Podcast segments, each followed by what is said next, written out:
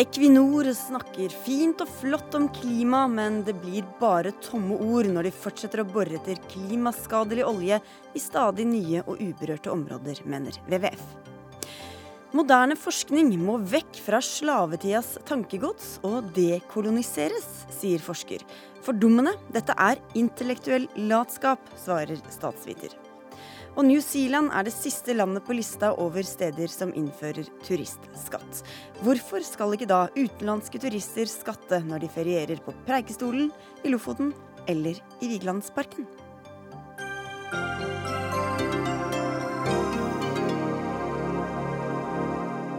Det er ett av spørsmålene vi stiller i denne fredagsutgaven av Dagsnytt 18. Ved mikrofonen i dag, Sigrid Solund.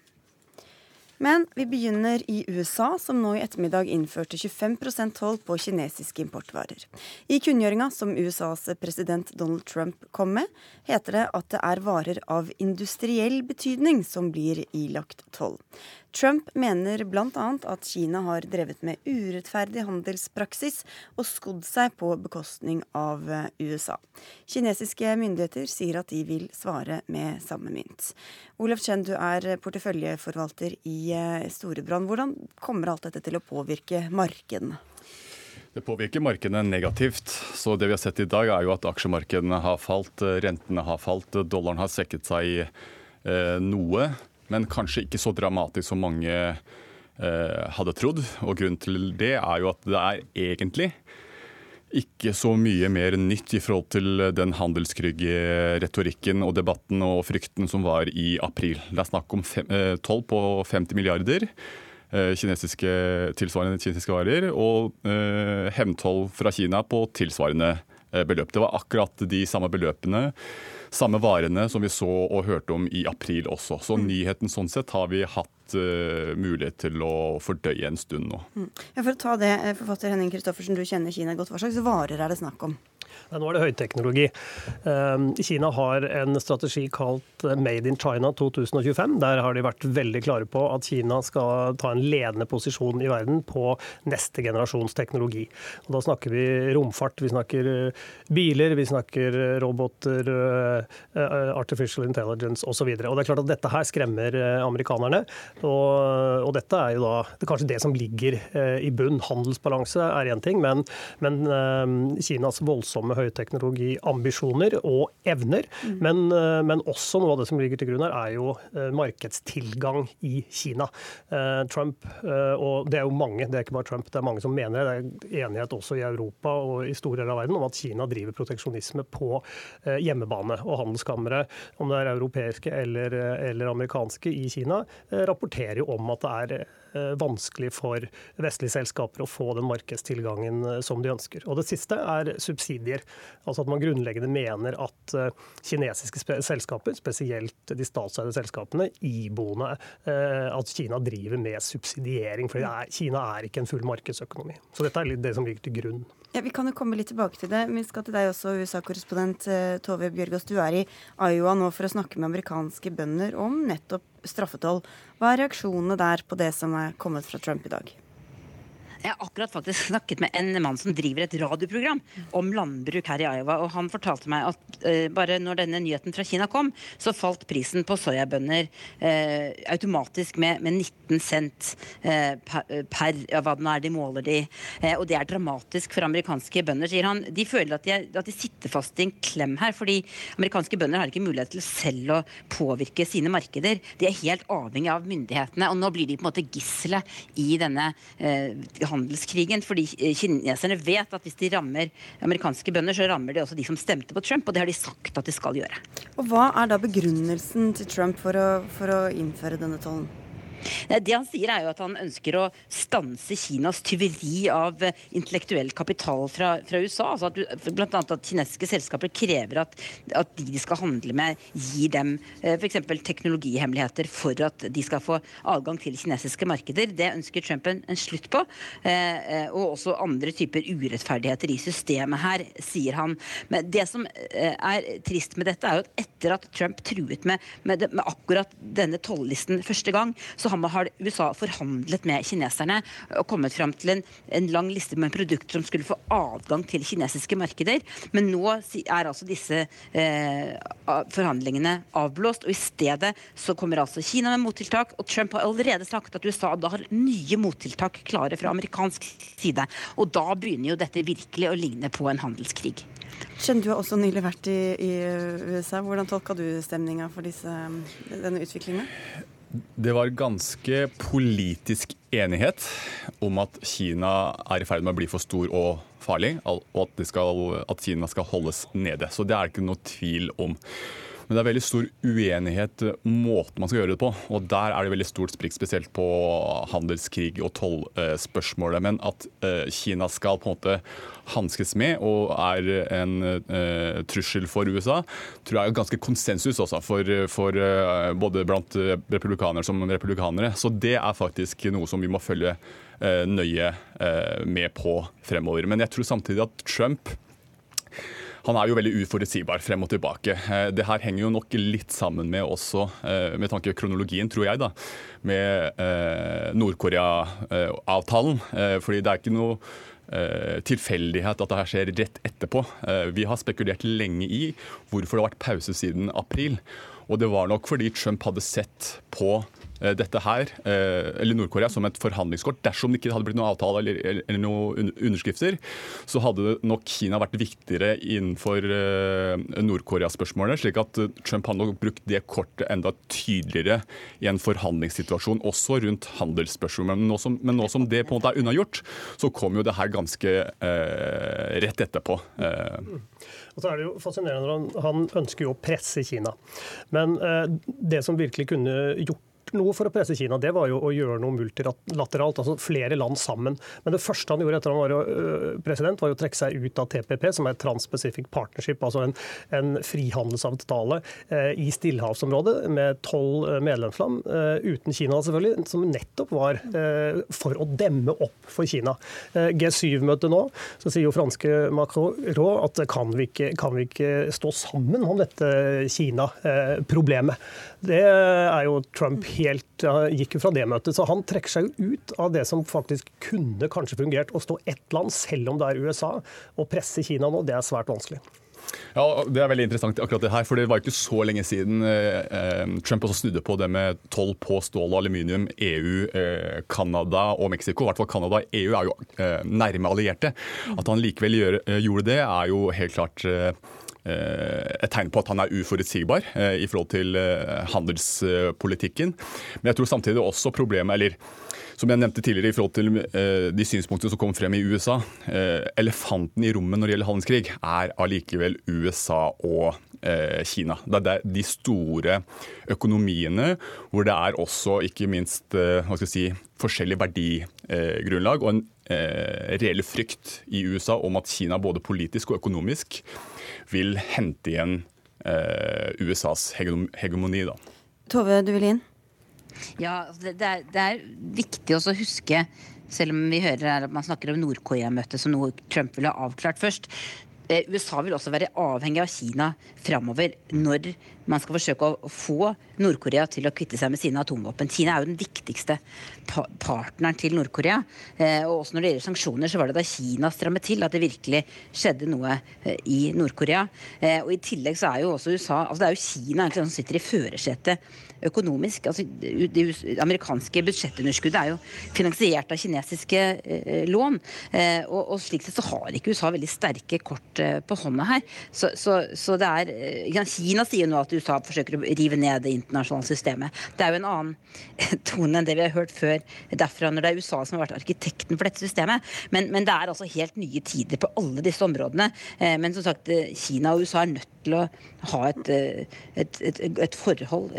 Hvis ikke så vil mange saker bli veldig vanskelige. Men samtidig, Kristoffersen, som dere var litt inne på, så er det jo lett å forstå beveggrunnene til Trump. Altså hvorfor han ønsker å gjøre noe med dette. da. Ja, Det er ikke vanskelig å forstå. og Der tror jeg det er relativt uh, stor enighet både i USA og utenfor USA. Det er bare virkemidlene uh, å få dette til nå. Trump sier at vi har vært i en handelskrig med Kina i 20-30 år, og vi har tapt hele tiden. Vel, Da skulle kanskje begynt denne krigen for 20 år siden, da, og ikke nå. Nå er det rett og slett for seint. Ta, ta, et selskap som Apple. De er helt avhengig av Kina både som marked og som produksjonsland. Og du har masse andre amerikanske selskaper som dette her kommer til å, til å ramme. Så det er en veldig vanskelig strategi og veldig vanskelig handelskrig å vinne for for USA. Men er det ingen deler av den amerikanske næringa som, som, som, kan vinne på dette, da? Ja. Jo, jo, det er det. De som eh, det pålegges eh, toll på, sånn som på, imot EU og, og Canada, stålendene, de vil jo tjene eh, på det. Men jeg tror de, sånn som Kristoffer, Henning Kristoffersen var inne på i forhold til de eh, Eh, tollsatsene mot teknologi og AI og alle tingene der, det er faktisk for å holde Kina nede. Der er ikke nødvendigvis USA så store på eh, heller. Eh, men det er mye annet de setter toll, eh, toll, på også, som kommer til å eh, føre til at amerikanske bedrifter kommer til å vinne på det. Det er det ikke noe tvil om. Men eh, når det er sagt, så er som økonom vet de fleste at handel Eh, er en vinn-vinn-situasjon som gjør det jeg kaller kaken større. Problemet har vært at kakefordelingen i etterkant har vært feil eh, fordelt. Det er ikke noe tvil om at Kina har tatt de største kakebitene, men også USA har fått mindre kakebiter.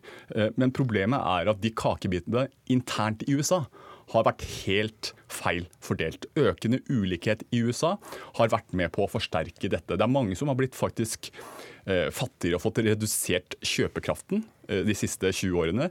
Eh, de rikeste 0,1% ikke 1% eier 36% av all formue. Det er like mye som 90% av de som eh, eier eh, resterende, eller bunnen av 90% som eier resten av formuen. Eller unnskyld, av amerikanerne. Så det er et eller annet med fordelingspolitikken som er kjempeviktig også at Trump tar øh, tak i, som ikke nødvendigvis belyses i den skattereformen som han har gjennomført. Men hva med næringslivet i, i USA da, Bjørgas? Det sies at det er ingen som kan vinne på denne handelskrigen. Hva, hva er responsen derfra? Sånn, de som produserer stål og aluminium, de vil jo eh, vinne på dette. Men, men altså, de amerikanske eksportørene sånn som der er nå, eh, er jo svært bekymret og vil eh, tape på det. Næringslivet har fått den store skattereformen. Det er mye viktigere for dem enn en, en disse tiltakene her. Og det er veldig viktig det Henning Christoffersen er inne på. De som har det vanskeligst her nå, de som ikke har fått være med på den store oppgangen, de som ligger nederst og, og altså ikke er blant de 1% i det hele tatt, de vil tape på dette. Fordi det blir dyrere å kjøpe import i amerikanske butikker. Eh, det amerikanske forbruket eh, vil måtte gå ned, og, og det, eh, det, gjør jo egentlig bare at forskjellene vil bli kanskje enda større. Hva med for Kinas del, Hvor hardt rammer det den kinesiske økonomien? Det rammer klart betydelig. Det, det er ikke noe tvil om at det her er negativt for handels eh, handelsmønsteret og eksporten til Kina. Men Kina har faktisk blitt såpass stor Eh, også innenlandsøkonomien, at hadde det her kommet for si ti år tilbake, da, så hadde Kina vært mye mye mer sårbare med tanke på at handel var mye større andel av det vi kaller BNP, eller økonomien. Men nå har faktisk det gradvis uh, avtatt. Og det er jo det egentlig USA også ser også, at Kina på mange måter står på sine egne ben. Og hvis ikke de gjør noe nå, så, så går nesten toget da, i forhold til eh, økonomisk hva skal si, maktbalanse og kjøtt, kjøttvekt. Og Kina har vært flinke til å ikke gjøre seg avhengig av noe land, selv ikke USA, selv om det er deres viktigste handelspart, så er ikke, de er ikke avhengig av USA. Eh, sånn som de, de var mye mer avhengig før. Så, så, Kina har eh, spredd seg over hele kloden, og de, de, kan stå imot ganske mye. Hva med sånn politisk makt og innflytelse, da? Hvordan påvirker det deg? President Xi Jinping har jo vært veldig klar på det, at eh, dersom Trump virkelig mener alvor med dette her og gjennomfører det, så kommer det til å skade det bilaterale forholdet mellom USA og Kina. Så det gjør den situasjonen Eh, bare mer anspent. og Det er jo uheldig når du ser på den situasjonen du har nå med Nord-Korea. Eh, Trump provoserer jo også Beijing i forhold til Taiwan, som også er kanskje for Beijing en mye mer uh, tøff sak enn en handelskrig. En handelskrig for Beijing er tross alt relativt forutsigbar. Her vet de hva som kan skje, og de vet hvilke mottiltak de kan uh, gjøre. Og de har jo også sagt at uansett hvor uforutsigbar denne Trump er, så er vi klare til å forhandle, men vi er også klare til å krige, om det er det som må til. Og så til slutt, Olafsen, Hva med verdensøkonomien på lang sikt? Hvordan kommer det til å slå inn? Så mener jeg Handel er positivt i den grad at global, at den globale veksten kan være høyere enn ellers. Eh, proteksjonisme vil reversere dette her. Igjen bruker jeg kakemetaforen. Kakestykkene, eller kaken, blir mindre. Men det blir ikke noe krise à la finanskrise. Men man hadde nok fått bedre levestandard eh, i Kina og i USA hvis man hadde fortsatt å handle. Selvfølgelig er det en del urettferdige ting som man kan rette opp eh, i. 50 milliarder er ikke så mye. men Frykten er jo at det eskalerer. Trump har allerede sagt at det kan øke til 100, 100 milliarder og også og mer hvis Kina kommer på banen. Eh, så jeg tror jo at uh, de er såpass fornuftige. Da. Jeg er en optimist av natur, så jeg tror faktisk det kommer til enighet når situasjonen blir satt hardt mot hardt, og at ikke det her vil ramme den globale økonomien til en sånn grad at det vil føre til økt, masse, økt arbeidsledighet. Så får tiden vise om du har rett. Olav Chen fra Storebrand, takk skal du ha for at du kom. Takk også til deg, Henning Christoffersen, som altså er forfatter og Kina-kjenner. Og Tove Bjørgaas var også med fra USA.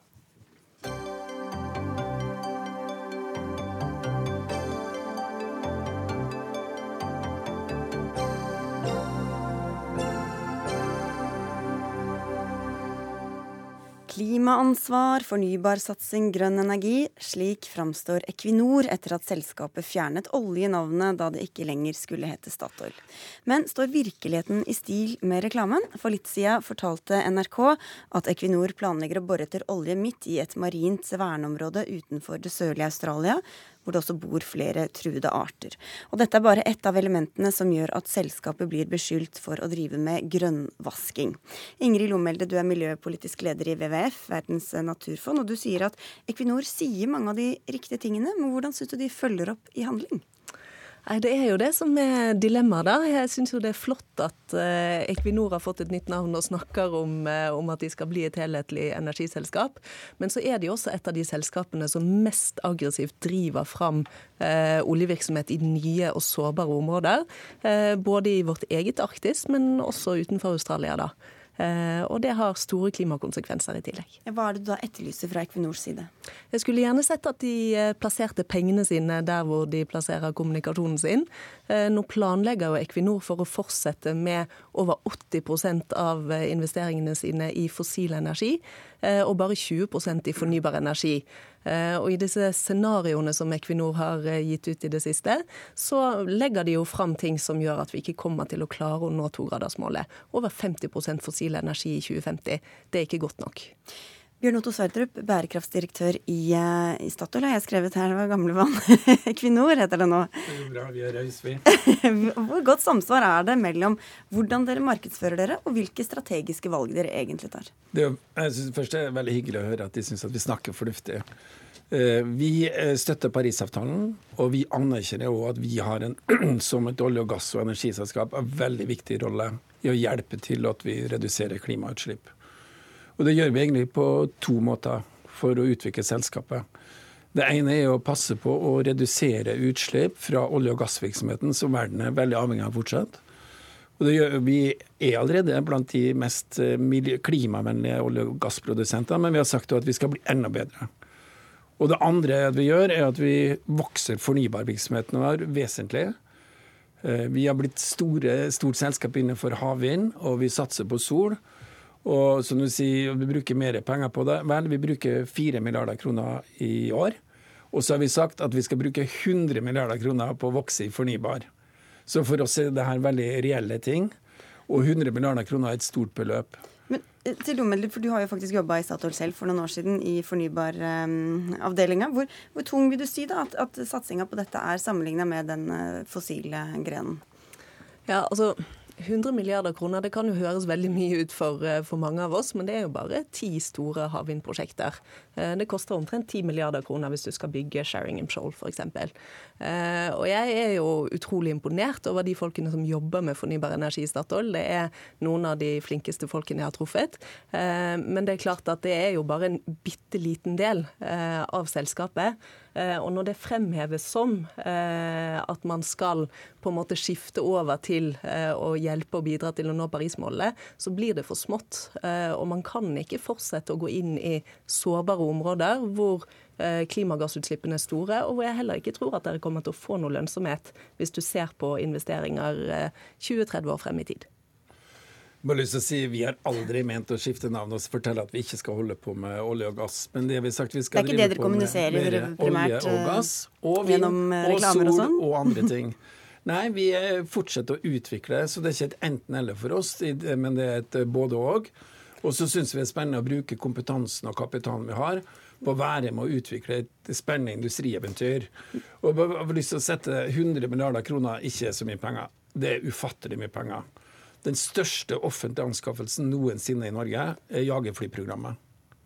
Eh, som dere har diskutert her mange ganger, det er 64 milliarder kroner. Så har vi sagt vi skal satse nesten 100 milliarder kroner på å vokse fornybar, hvis vi greier å få det til lønnsomt. Det er et veldig ambisiøst mål. Hvor mye bruker dere på olje- og gassinvesteringer, da? Ja, Vi bruker nesten 10 milliarder dollar i årlige investeringer, vi, som er både nyinvestering og vedlikehold. altså 100 milliarder der også? Ja. I året? Ja, det er årlig. Ja. Mm. Eh, men for noen dager siden så ga dere ut en rapport over utvikling i verdens eh, energimarkeder. Equinors eh, sjeføkonom Eirik Wærnes sa da til Dagens Næringsliv at verden går i feil retning, og, og skylder bl.a. på at etterspørselen etter olje øker. Så hvordan kan dere si det på den ene siden, og samtidig forsyne den samme etterspørselen? Ja, jeg skjønner at det kan være litt vanskelig, det, men vi vet at vi må over tid greie å redusere CO2-utslipp. Samtidig så hvis du kikker på hva er hva slags energi vi bruker i verden, så bruker vi nesten 80% kommer fra kull, olje og gass. Og den andelen har vært lik i nesten 30 år. Og til tross for fantastisk vekst i fornybar nå, så øker faktisk forbruket av olje, kull og gass. Så det vi trenger, er at vi må passe på at vi både greier å, å få den kull, olje og gass vi bruker, så klimavennlig som mulig, pluss at vi enda, bli enda raskere i å vokse i jo, fornybar. Men dere sier at det er for mye etterspørsel etter olje, og så vil dere bare produsere mer olje. Hvordan henger det sammen? Jo, men jeg tror at du uh, må forstå at verden er helt avhengig av det. Sånn som når du reiste hit i dag, eller når du, mange skal reise på ferie i dag, så gjør vi det basert på olje eller gass. Tok T-banen jeg, da. Ja, men ok, men å selge den på en uh, går ofte i veldig mange andre land, da, går den basert på fossile energikilder. Og da må vi ha en overgang, og denne kommer til å ta mange tiår, der både forbruket går ned og, og, og, og tilbudssida endrer seg. Men det er, det er det som er hvorfor dere da sier at dette skyldes eh, for, at er for høy etterspørsel etter olje, og så vil dere svare med å produsere mer olje. Det kan ja, virke litt ulogisk. Nei, egentlig ikke. For det er en, en, en vare som samfunnet er helt avhengig av. For å både kunne reise, for å kunne ha produkter og for å kunne uh, ha varme hjem og nedkjøle hjem, som er enda viktigere enn å varme hjem faktisk i verden. Ja, Det jeg syns er ulogisk, er at Statoil fortsetter Nei, Equinor heter det nå. det der var gammelbarnet. Men at dere fortsetter å snakke som om verden kommer til å trenge fossil energi mange tiår frem i tid. Eh, til tross for at det ikke er de eneste perspektivene som finnes der ute. Nå er jo deres energiscenarioer og energiscenarioene til Det internasjonale energibyrået og til andre olje- og gasselskaper blir ofte veldig dominerende i denne debatten. Men det finnes altså mange viktige og tunge analysemiljøer som gjør tilsvarende studier, som viser at energibehovet ikke kommer til å vokse. Hva viser du til da? Eh, F.eks.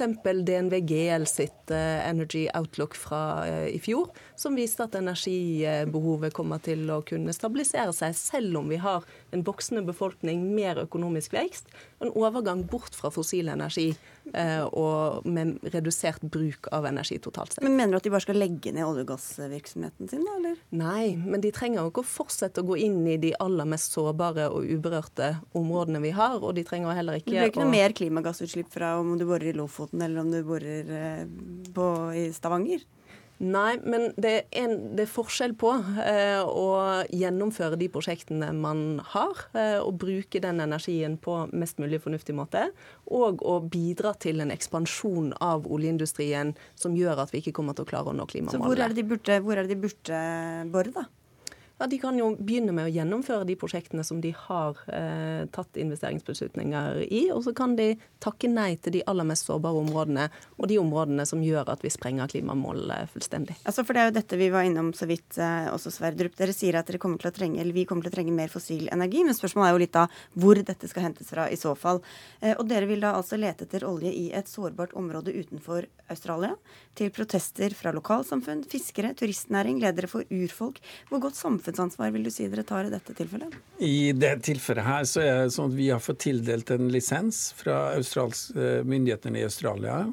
Og den jobber vi med, og den fasen vi er i nå, så jobber vi med å kartlegge undergrunnen for å se om det kan være lønnsomt, eller om det er noe troverdig å finne. Vi gjør miljøundersøkelser, og så lytter vi til ulike interessentgrupper fra turisme eller fiskeri, og så lager vi nå en miljøanalyse og ser er egentlig en akseptabel risiko, kan vi gjøre dette på en trygg måte. Og hvis ikke vi selv mener det, så kommer vi ikke til å gjøre det. Og hvis vi gjør det, skal vi legge frem en plan, få syn på det, og så får vi se hva vi gjør videre med den virksomheten. Men du sier dere lytter, men dere lytter da altså ikke uten videre til eh, de interessene som jeg listet opp her? Nei, altså, jo, det gjør vi. Altså, vi tar det innspillene veldig alvorlig. Men vi er jo opptatt av, på samme måte som har vært linja i Norges Petroleumsforvaltning har jo vært en kunnskapsbasert forvaltning. Så å si, hva er egentlig risikoen? Går det an å få til samme eksistens? Er risikonivået akseptabelt? Og det er den prosessen vi er i nå, i en omfattende miljøanalyse. Og så får vi se. Ja, Du vet ikke om det blir noe av det heller, Lomeldre? Nei, Vi får jo håpe at det ikke blir det. Nå er det jo andre selskaper som har gjort undersøkelser der før, som BP f.eks., som uh, har takket nei. Så vi får håpe at Statoil, nei, Equinor, kommer til samme konklusjon. Sitter langt inne. Men, men hvordan føyer det seg inn i, i strategien uh, når det gjelder sårbare områder uh, for, for Equinor, da, i andre land også, mener du? Det ser jo ut til å være et mønster hvor Equinor er blant de selskapene som er mest villig til å gå inn i risikofylte områder, og gjerne til å drive frem en utvikling i sånne områder. Her hjemme er jo det Equinor som er mest aktivt pådriver for at vi skal åpne Lofoten, Vesterålen og Senja for oljevirksomhet. Et område som mange, på mange måter kan sammenlignes med dette området i Australia. I dette området i Australia så lever det altså noen bardehvaler som er helt fantastiske, som vi etter veldig mange års møysommelig naturvernarbeid har klart å hjelpe opp fra randen av utryddelse til å ligge på omtrent 3000 dyr nå. Vi jobber sammen med forskere og universiteter i Australia for å hjelpe den arten opp og frem. Og vi vet at det er en art som blir veldig alvorlig påvirket av seismikkskyting, som Statoil Equinor må gjøre hvis de skal få dette prosjektet til å bli noe av. Du vet jo at vi er jo, vel, vi er jo like, eller i hvert fall utrolig opptatt av biodiversitet og artsmangfold, og opptatt av å ta hensyn til de interessene. Så det er jo det vi gjør nå. Vi bidrar jo til å skape ny forskning for å bestand, få kartlegge hvilke miljø... Biosfæren der, og liv i både vannsøyler og i havområdene. Og så vil det være en del av beslutningsgrunnlaget. Utfordringen er jo at Statoil veldig ofte er med på å finansiere ny kunnskap, men veldig sjelden lytter til den kunnskapen vi har. I dette området i Australia så vet vi veldig mye om naturmangfoldet, akkurat som vi gjør utenfor Lofoten. Forskerne forteller oss at det er for risikabelt å bore etter ny olje og gass der. Og likevel så ønsker Equinor å være en pådriver for å åpne disse områdene opp. Jeg har lyst til å si at Vi har drevet en virksomhet i over 40 år i Norge. Og jeg tror vi har, vi har vært opptatt av kunnskapsbasert, vi har vært aktsomhet, vært opptatt av sameksistens med andre næringer og ivareta naturen og miljøet. Det tror jeg vi egentlig har greid ganske godt. Vi har etablert kompetanse og prosedyrer for å gjøre det. Og selvsagt tar vi med oss også den innstillinga når vi driver virksomhet i andre land. Om det er olje- og gassprosjekt, eller om det er solprosjekt i Brasil, eller havvindprosjekt utenfor New York, eller andre prosjekt som vi jobber med. Vet du det, Lomel, at om Statoils, som det het, da, virksomhet faktisk har gått utover truede arter i Norge eller andre land? Vi vet jo at Statoil tidligere har hatt en del utfordringer med kjemikalieutslipp f.eks. Men, men nå er egentlig det jeg er mest opptatt av, er å lytte til eh, kunnskapen om biomangfold i forkant av at man åpner nye sårbare områder. Og, og, hvis den viser at det går ikke, så lar dere være, da? Eller? Ja, Vi er opptatt av både sikkerheten må ivaretas, og som må være lønnsomt, og som må være miljømessig akseptabelt. Og det er opp til myndighetene å gi godkjennelse på om de syns at eh, risikoforståelsen er god nok, og at dette er forenlig. Vi får takke dere der i denne omgang, eh, Bjørn Otto Sverdrup, som altså er bærekraftdirektør i eh, Equinor. Må vi bare lære det en gang for alle. Og til deg, Ingrid Lomelde, som er miljøpolitisk leder i WWF. Takk. Música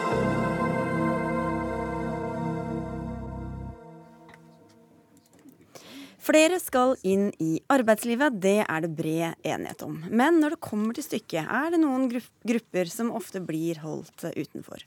Blant de som er blinde eller svaksynte, går flere enn én av tre mellom 23 og 36 år på uførepensjon. Det viser en ny undersøkelse i regi av Blindeforbundet selv. Og nesten halvparten av dem som har uføretrygd, fikk det da de var 20 år eller yngre. Unn Jøner Hagen, du er forbundsleder i eh, Norges Blindeforbund. Hva er det som bekymrer deg mest med disse tallene?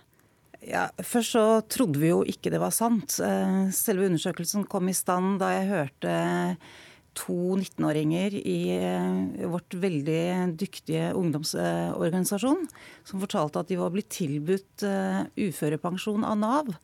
Og dette er unge, fremadstormende mennesker.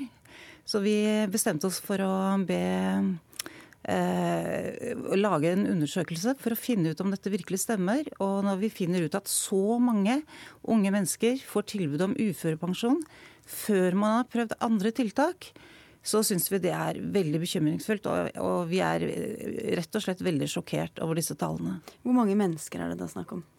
Det, det er jo snakk om eh, eh, veldig mange ungdommer. Eh, vi har ikke totalt antall, men det er jo av de som vi har spurt nå, som var 99, så er det jo en tredjedel av dem, altså 34% som, eh, som opplyser dette. Men hva, når, Hvis de prøver å søke jobb på egen hånd, da, hva slags utfordringer eller hindringer kan de støte på da? For det første så møter jo ungdom eh, som da stort sett ikke har den kvalifikasjonen i form av sommerjobb f.eks. som annen ungdom. De møter jo veldig fort barrierer. Og så har vi også funnet ut at eh, veldig mange synshemmet ungdom har problemer på videregående skole, for de får fritak i fag. Eh, egentlig uten å ha bedt om det veldig ofte, og da får de ikke eh, studiekvalifisering. Og dette hemmer dem jo videre, og dette mener vi er brist i strukturene i samfunnet vårt som vi syns er veldig sjokkerende.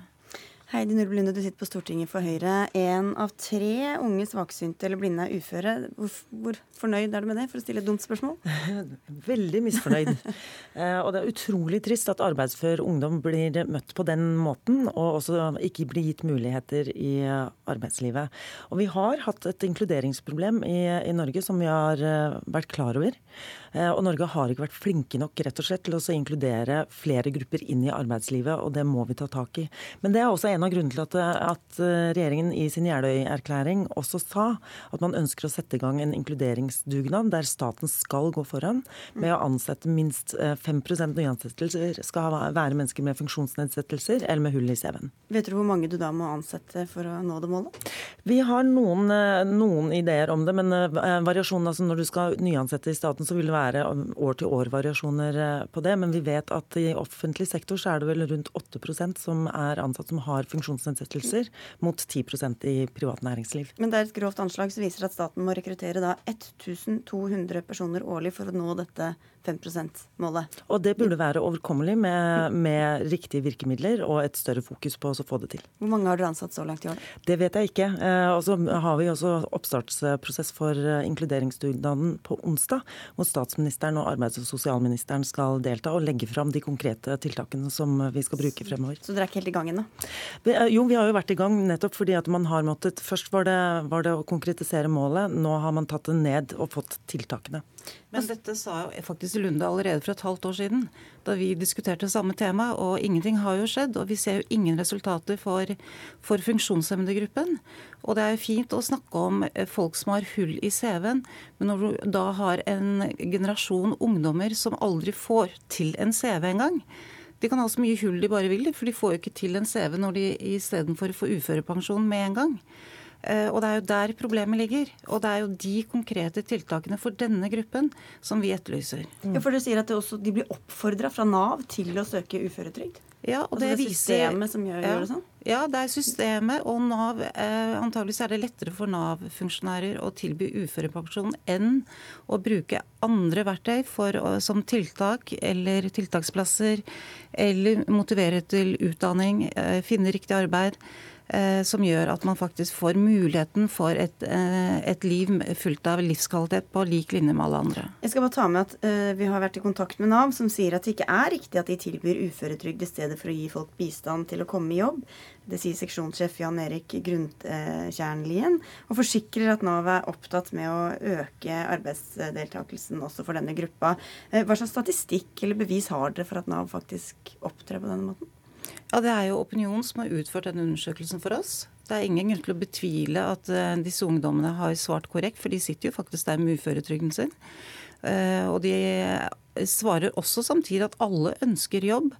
Men de uh, mener selv at de har blitt motivert til uføre, nettopp fordi det gir en høyere sum penger per måned når det blir definert som ung ufør, Uh, Istedenfor å motivere dem til, et, uh, til, annen aktivitet. Det er riktig som Blindeforbundet her sier at jeg var hos dem for et halvt år siden, og da hadde Jeløya-erklæringen akkurat blitt fastsatt, så da hadde vi fastsatt det målet. Fra, uh, fra da til nå så har man jo jobbet med å konkretisere tiltakene. Og jeg syns det er utrolig fint at Blindeforbundet tar tak i den debatten.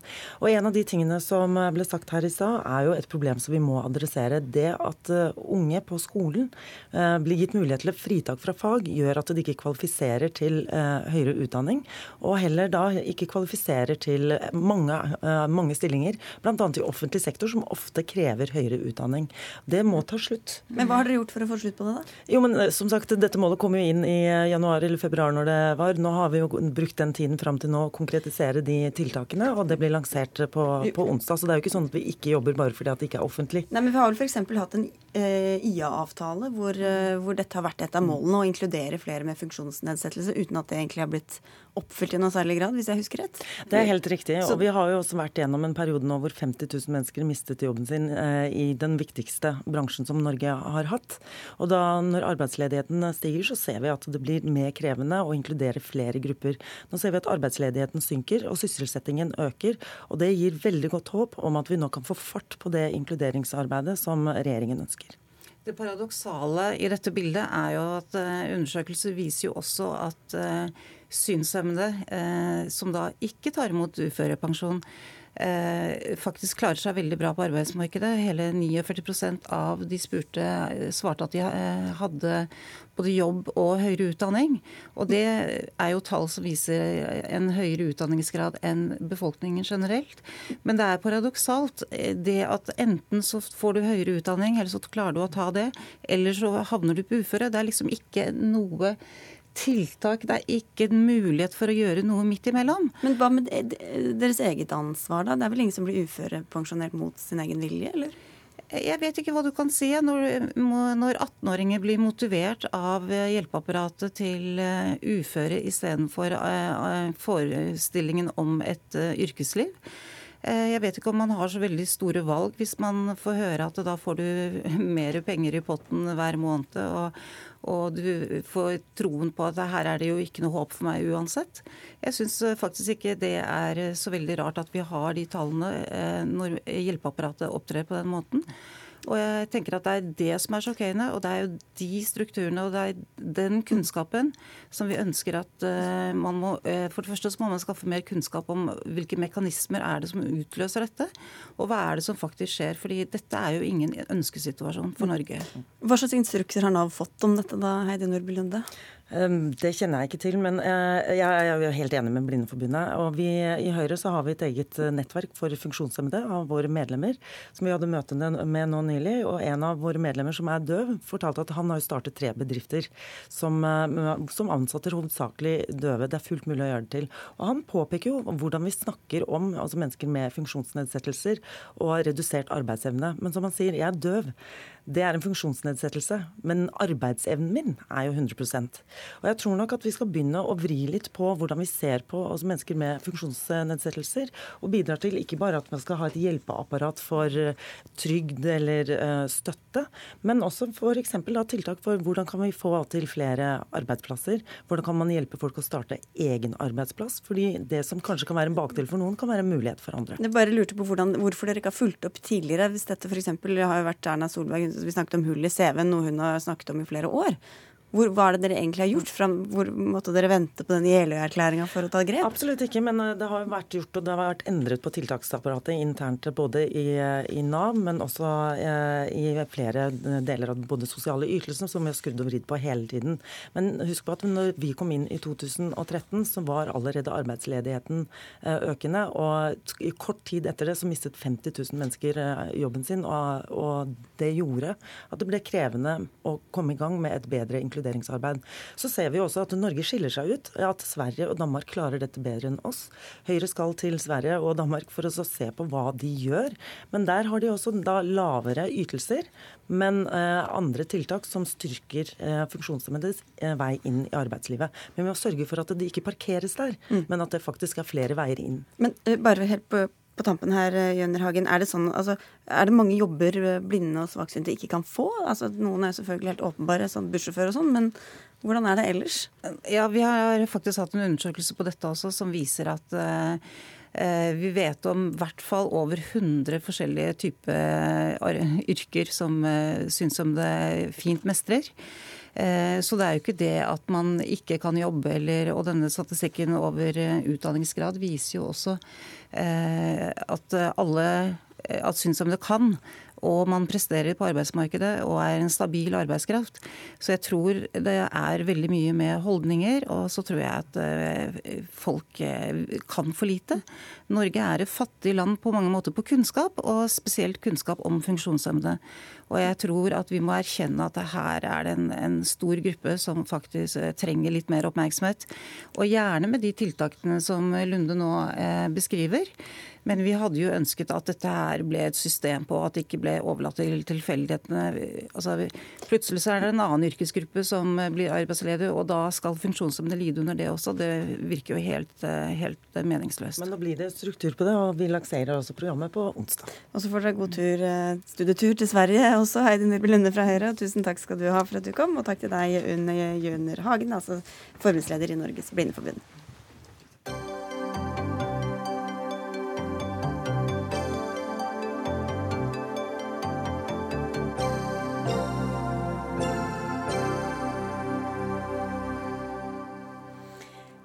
Andre land har forskere og akademikere lenge diskutert om kolonitiden, med dens slavehandel og utnyttelse i for stor grad har preget forskninga vi lener oss på i dag. Nå må denne debatten tas også i Norge, skriver Prio-forskerne Ida Roland Birkvad og Cindy Horst i Aftenposten.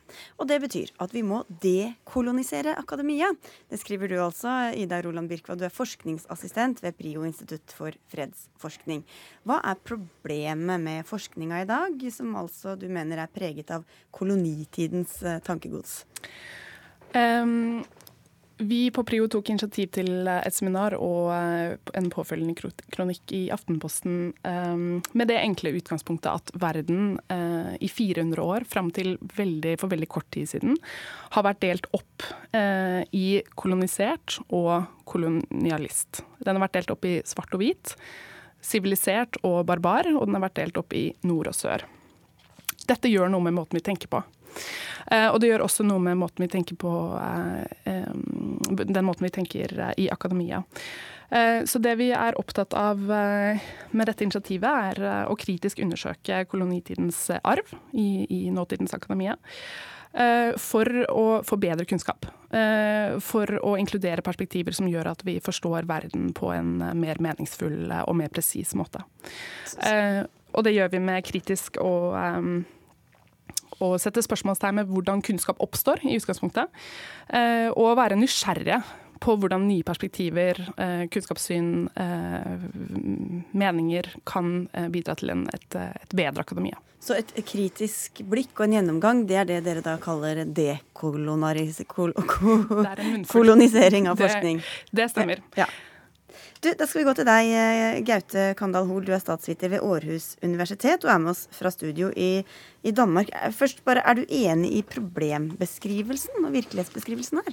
Uh, nei, jeg, jeg, dette er et verdenssyn som jeg ikke er enig i. Altså, jeg mener ikke at universiteter og akademia skal gjøre studenter til aktivister, men heller gi studenter et verktøy for å kunne søke sannhet. og Gjennom sannhet så klarer man å løse problemer i samfunnet. Og hele denne debatten om avkolonisering av akademia, det er en politisk bevegelse som er hentet fra utlandet, hvor resultatet er at kunnskap settes til side til fordel for såkalt sosial rettferdighet. Og dette mener jeg bare er fordummende for akademia. Men hva er det som er da denne aktivismen, eller det politiske i det, sier du? Nei, fordi man sier at fordi noe kunnskap ble etablert under Altså fremskritt og kunnskap ble skapt under kolonitiden, så ble dette skapt som en konsekvens av kolonitiden. Men hvis man ser på, på måte, historie med vitenskap, så er jo Francis Bacon, René Descartes, Isaac Newton, altså den vitenskapelige revolusjon, som har lagt mye av grunnlaget for de vitenskapelige fremskrittene som vi ser i dag. Altså Copernicus regnes jo gjerne som eh, den vitenskapelige revolusjons far. Altså, han var polakk. Polen har aldri hatt noen kolonier. Um, og, og, det er det jeg mener er et perspektiv som, som mangler helt i den debatten. Um, til, til, eh, spørsmålet om, eh, om, dette med sannhet, og, og, kanskje uh, også dette med liksom når, når, begynner kolonitiden, og når er det disse liksom, strukturene trer til og sånne ting, det kan jeg og Hoel diskutere til vi blir blå i ansiktet. Poenget her er at uh, ja, for Du mener at kolonitiden ikke kan strekke seg lenger tilbake enn der hvor Ja, men Det er et underordnet poeng. Ja. Poenget er at uh, det som skjer under kolonitiden, er at du har ikke bare ressursekstraksjon fra koloniene og du sender slaver til USA osv., men du har også uh, kolonitiden som et sivilisasjonsprosjekt. Der man sementerer uh, ideer om hva som er ekte kunnskap og uekte kunnskap, hva som er viktig og uviktig kunnskap. Og dette sementeres over 400 100 år eh, på, og skjer på samme tidspunkt som eh, utviklingen og eh, etableringen av universitetssystemene sånn som vi kjenner dem i dag. Og det er dette vi er opptatt av, av å av å undersøke. Og så vil jeg bare legge til på dette med at det er en politisert en politisering av akademia. Altså, Fram til for veldig kort tid siden så var det sånn at det kun var hvite menn som hadde tilgang til eh, universitetene. Ikke sant? Eh, og det er jo en Det var jo politisk. Ikke sant? Sånn, så det vi, det vi gjør eh, nå, er om noe å depolitisere akademia. Mm. Fordi at vi sier eh, hvis vi skal ha et, eh, vi må ha et representativt eh, akademia som, som viser alle perspektivene eh, når vi prøver å beskrive samfunnsspørsmål. Ja, Hol, det er du som politiserer, hører vi her. Eller ikke akkurat det, da. Men uh, det, var, politisk, og nå skal det avpolitiseres. Jo, men det er nettopp den gruppetilhørigheten som, eh, som, hun eh, sikter til her, som jeg er imot. Og jeg er helt enig i at mangfold i akademia er veldig viktig, men det må være et mangfold av ideer. Og det, er det som er poenget, at jeg tror ikke du får et bedre universitet uh, hvis du baserer det på hvem du ansetter, at du ser personer basert på grupper. Og det er på en måte noe av det beste med hva skal vi kalle vestlig, moderne vitenskap og filosofi, er at man har kommet frem til at den beste måten å dømme mennesker på, det er som individer. Og det er jo på en måte bare å se på oss to som sitter her og diskuterer. Vi er to hvite mennesker. Vi har begge to høy utdannelse. Uh, ikke at jeg vet det for sikkert, men jeg tipper at vi er fra omtrent samme sosioøkonomiske bakgrunn. Men vi har to helt forskjellige perspektiver på verden. Og Det viser liksom litt på mikronivå hvor håpløst det blir eh, med denne tanken at man skal dømme folk basert på gruppetilhørighet, og si det at noe vitenskap er feil, eller noe vitenskap må evalueres på nytt fordi at det var noen hvite menn som kom frem til det. Um, Det er jo veldig eh, fint eh, at Hol er opptatt av å se enkeltindividet, og ikke bare oss som deler av grupper. Jeg for så vidt eh, støtter det 100% Men nå er det sånn at historisk sett så eh, kanskje det mest grunnleggende med historien sånn som vi kjenner den i dag, er jo at er, er gruppetenkningen. Og spesielt den gruppetenkningen som handler om at den hvite mannen var bedre enn alle de andre gruppene. Men Går det igjen i forskning? Altså, går det an å komme et eksempel eller mm. vise oss hvordan, hvordan det, dette påvirker den forskninga mm. vi lener oss på? Mm. Så um, dette, uh, dette, ser vi uh, jo i f.eks. på universitetene når vi kikker på hva slags pensumlister uh, som finnes. Mitt eget felt, samfunnsforskningen, er i veldig stor grad preget av vestlig, den vestlige kanon. Og, eh, og med det så, så, følger et veldig hva skal man si, upresist og eh, bilde av, av, vitenskapen, og det viser bare deler av det. Eh, og det gjør at vi er, i, eh, vi er i dårlig stand til å forstå den verden vi, eh, vi, er en del av. Tror du ikke det er sånn, Hol, at selv om vi er individer, så blir vi jo påvirka av den, den, virkeligheten vi vokser opp i. Selv om det er individuelle forskjeller mellom oss, så er det kanskje mindre enn de som er mellom verdensdeler, f.eks.? Jo, det er godt mulig det, men altså, poenget med vitenskapen er jo nettopp det at man skal kunne komme frem til en sannhet. Og den bevegelsen med avkolonisering eller dekolonisering av akademia. Det er bare å se til utlandet for å se hvilke resultater de har hatt. Dette med pensumlistene er jo et veldig sentralt poeng. Man ser på enkelte universiteter hvor, å, hvor studenter har prøvd å fjerne Platon fra pensum i introduksjon til filosofi. Eh, på enkelte universiteter og skoler i USA så har man fjernet Shakespeare fra engelsk litteratur bare fordi det er eldre hvite menn. Og eh, Hvis man da ser til Sør-Afrika, som på en måte er ground zero for hele denne dekoloniseringsbølgen, så var et argument at fordi Newton satt i Europa og holdt jeg på å si, fant opp tyngdekraften uten å ta hensyn til hva som skjedde i Afrika på samme tid, så er tyngdekraften et europeisk konsept som må avkoloniseres. Og Det er på en måte bare å hoppe fram bygningen i Nairobi og se hva som skjer. fordi dette her handler ikke om andre perspektiver, det handler om å om ødelegge etablert kunnskap. Og objektive virkeligheter. Da. Mm. Ja, Um, til, um, til det, la, la, oss ta det konkrete eksempelet Platon. Det er jo en veldig veldig vanlig, vanlig, en vanlig misforståelse i disse typer debatter. At, uh, at Platon um, liksom skal ut av, tas ut av pensum, at alle hvite menn skal, uh, skal ut av, av kunnskapskanon. Det vi er opptatt av, er to ting. Vi er opptatt av å avmytologisere folk som Platon. Du skal ikke ha Platon vi, vi, er, vi, skal ikke, vi, skal ikke, nødvendigvis ha Platon ut. Vi er opptatt av, opptatt av å avmytologisere han, og vi er opptatt av eh, å sette spørsmålstegn ved hans opphøyde status. Så er vi opptatt av at han skal settes i dialog med kunnskapssystemer eh, og perspektiver som vi ikke vanligvis eh, bringer inn. OK, vet dere hva? Eh, dere ble i hvert fall ikke enige. Eh, men vi må takke av eh, og takke for debatten eh, begge to. Ida Roland Birkvad, som også er forskningsassistent i PRIO, og til deg, Gaute Kandal Hoel, statsviter ved Århus universitet. Tusen.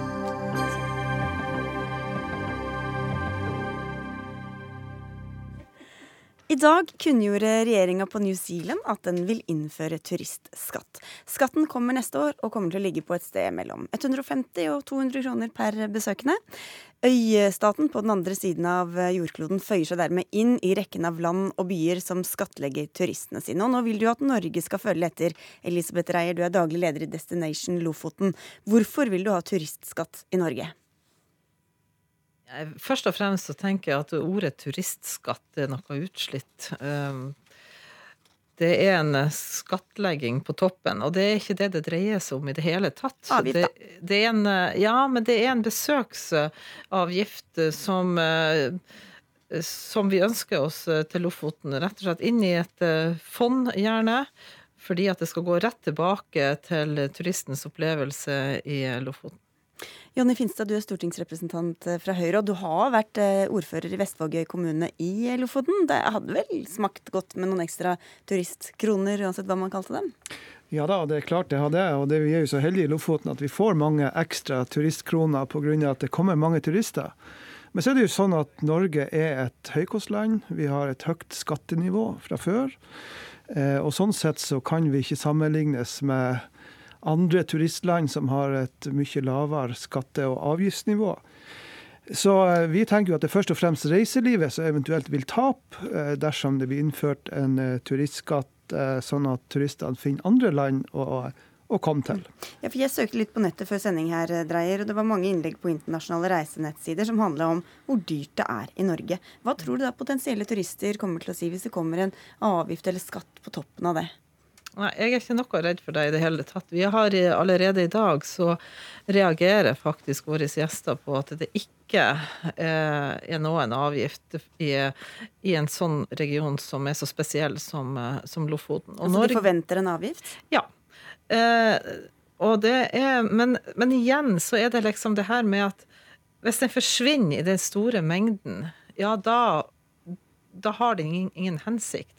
Men hvis at man eh, kan si at denne avgiften går til eh, forebygging, ivaretakelse, eh, håper å si tilrettelegging Det som gjør at det er godt for en turist å besøke Lofoten. Mm. Det er rett og slett en investering, da, Finstad? Ja. Mm. Ja da, og jeg eh, syns jo også, som jeg er fra Lofoten, jeg syns jo også Lofoten er spesiell. Eh, men det er klart at eh, det er mange andre steder i Norge som også vil synes de er mm. spesielle. Så skulle vi innføre det én plass, så måtte vi sikkert åpne for det i hele landet. Og da er det jo sånn at de store politiske partiene i Norge i hvert fall, de er imot turistskatt. Og så er man veldig opptatt av at den allemannsretten i Norge står veldig sterkt. Det skal være gratis å bruke og ferdes i naturen. Jo, men uh, hvis, man, hvis, man, bare rett og slett har en skatt for å, når du lander på Gardermoen, eller du mm. kommer uh, med ferja til Sandefjord, eller hva som helst, så, så, så, så blir det jo ikke en Det blir ikke til hinder for å reise rundt, uh, rundt i Norge. Det har jo vært lansert mange modeller i så måte, men jeg tror det viktigste det er at man setter seg ned lokalt, sånn som man nå har gjort i Lofoten, og har laget et prosjekt med besøksforvaltning. Hvordan skal vi håndtere det her og legge til rette for brukerbetaling, bl.a. Eh, for parkering, for toalettfasiliteter og sånne type tiltak. Men Hvorfor er det bedre å ta brukerbetaling eh, hvis du skal parkere eller hvis du skal gå på do, eh, i stedet for å bare ha en flat avgift, sånn at du slipper å betale sånne ting som du sikkert ellers syns er irriterende? Jo, det kan man godt si, men spørsmålet er hvordan du klarer å avgrense det til å gjelde bare turister. Ja, Har du noen plan Dreyer, for hvordan dette egentlig skulle kreves inn? Jeg synes at uh, nå er jo ikke Lofoten kan vel ikke sammenligne seg helt med Svalbard, men Svalbard klarer jo akkurat dette. Og de er, i likhet med Lofoten, avgrenset, et avgrensa geografisk område. Uh, nå sier ikke jeg at det er den ene måten å gjøre det på. Men til Svalbard så, så betaler du for en fi for å komme inn. De som bor på Svalbard, de får dette dekt. De får dette dekket tilbake igjen.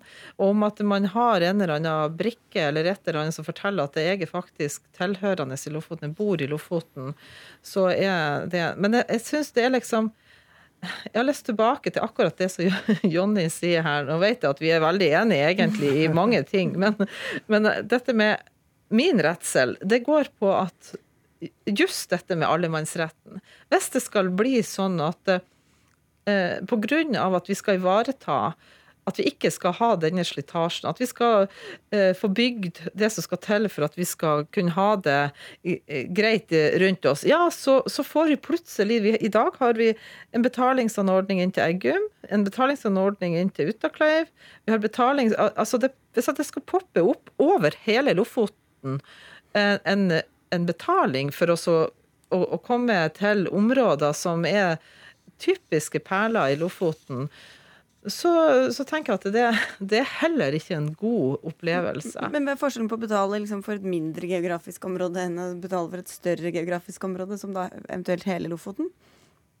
Nei, men jeg, jeg tenker Jo, men jeg, det, da, har du, da har du betalt for og det er jo ikke snakk om, det er jo ikke snakk om noen store penger. Det er snakk om en tier, kanskje, eller 20 kroner i døgnet som blir tatt inn. Det kan, det kan betale eh, guider som tar deg med i, i jeg håper å si, informerer deg når du skal på tur. Det kan betale eh, parkeringsvakter og, og, parkeringsplassen. Det kan betale destinasjonsselskapet. Det kan betale hele besøksskiltinga. Skiltinga på hvordan kommer du deg rundt i Lofoten. Eh, velkommen hit, her gjør vi det sånn og sånn. Altså ha en struktur i det hele. Og det eh, Jeg tenker at både på det bærekraftprosjektet som vi har i dag, som vi akkurat nå søker om til hovedprosjekt, og besøksforvaltningsprosjektet, som er to store, gode prosjekter i Lofoten, så tenker jeg at det er viktig at vi klarer å tenke helheten Okay. Tida går veldig fort her. Helt på tampen, Jonny Finstad. Altså, det er andre byer, Barcelona, Roma, Paris, har en form for turistskatt. Turistene er kanskje vant til det? De forventer det? Hvorfor kunne de ikke tåle det i Lofoten eller i Norge ellers også? det er jo en, eh, jeg syns det er fint at vi reiser den debatten og, og klarer å få noen rammer rundt det, hvordan vi skal forvalte reiselivet i fremtida. Vi har jo ambisjoner om at vi eh, i Norge skal ha et verdensledende reiseliv, og da må vi legge til rette med de rette rammevilkårene. Sånn at eh, jeg syns vi skal ha en god debatt på det, om vi skal ha lokale avgifter eller om vi skal ha skatt. Vi fikk en liten debatt i hvert fall. Takk skal dere ha, Jonny Finstad, stortingsrepresentant for Høyre, og Elisabeth Reier fra Destination Lofoten. Vi takker for oss og ønsker god helg fra Dag Dørum, Finn Lie og meg, Sigrid Solund.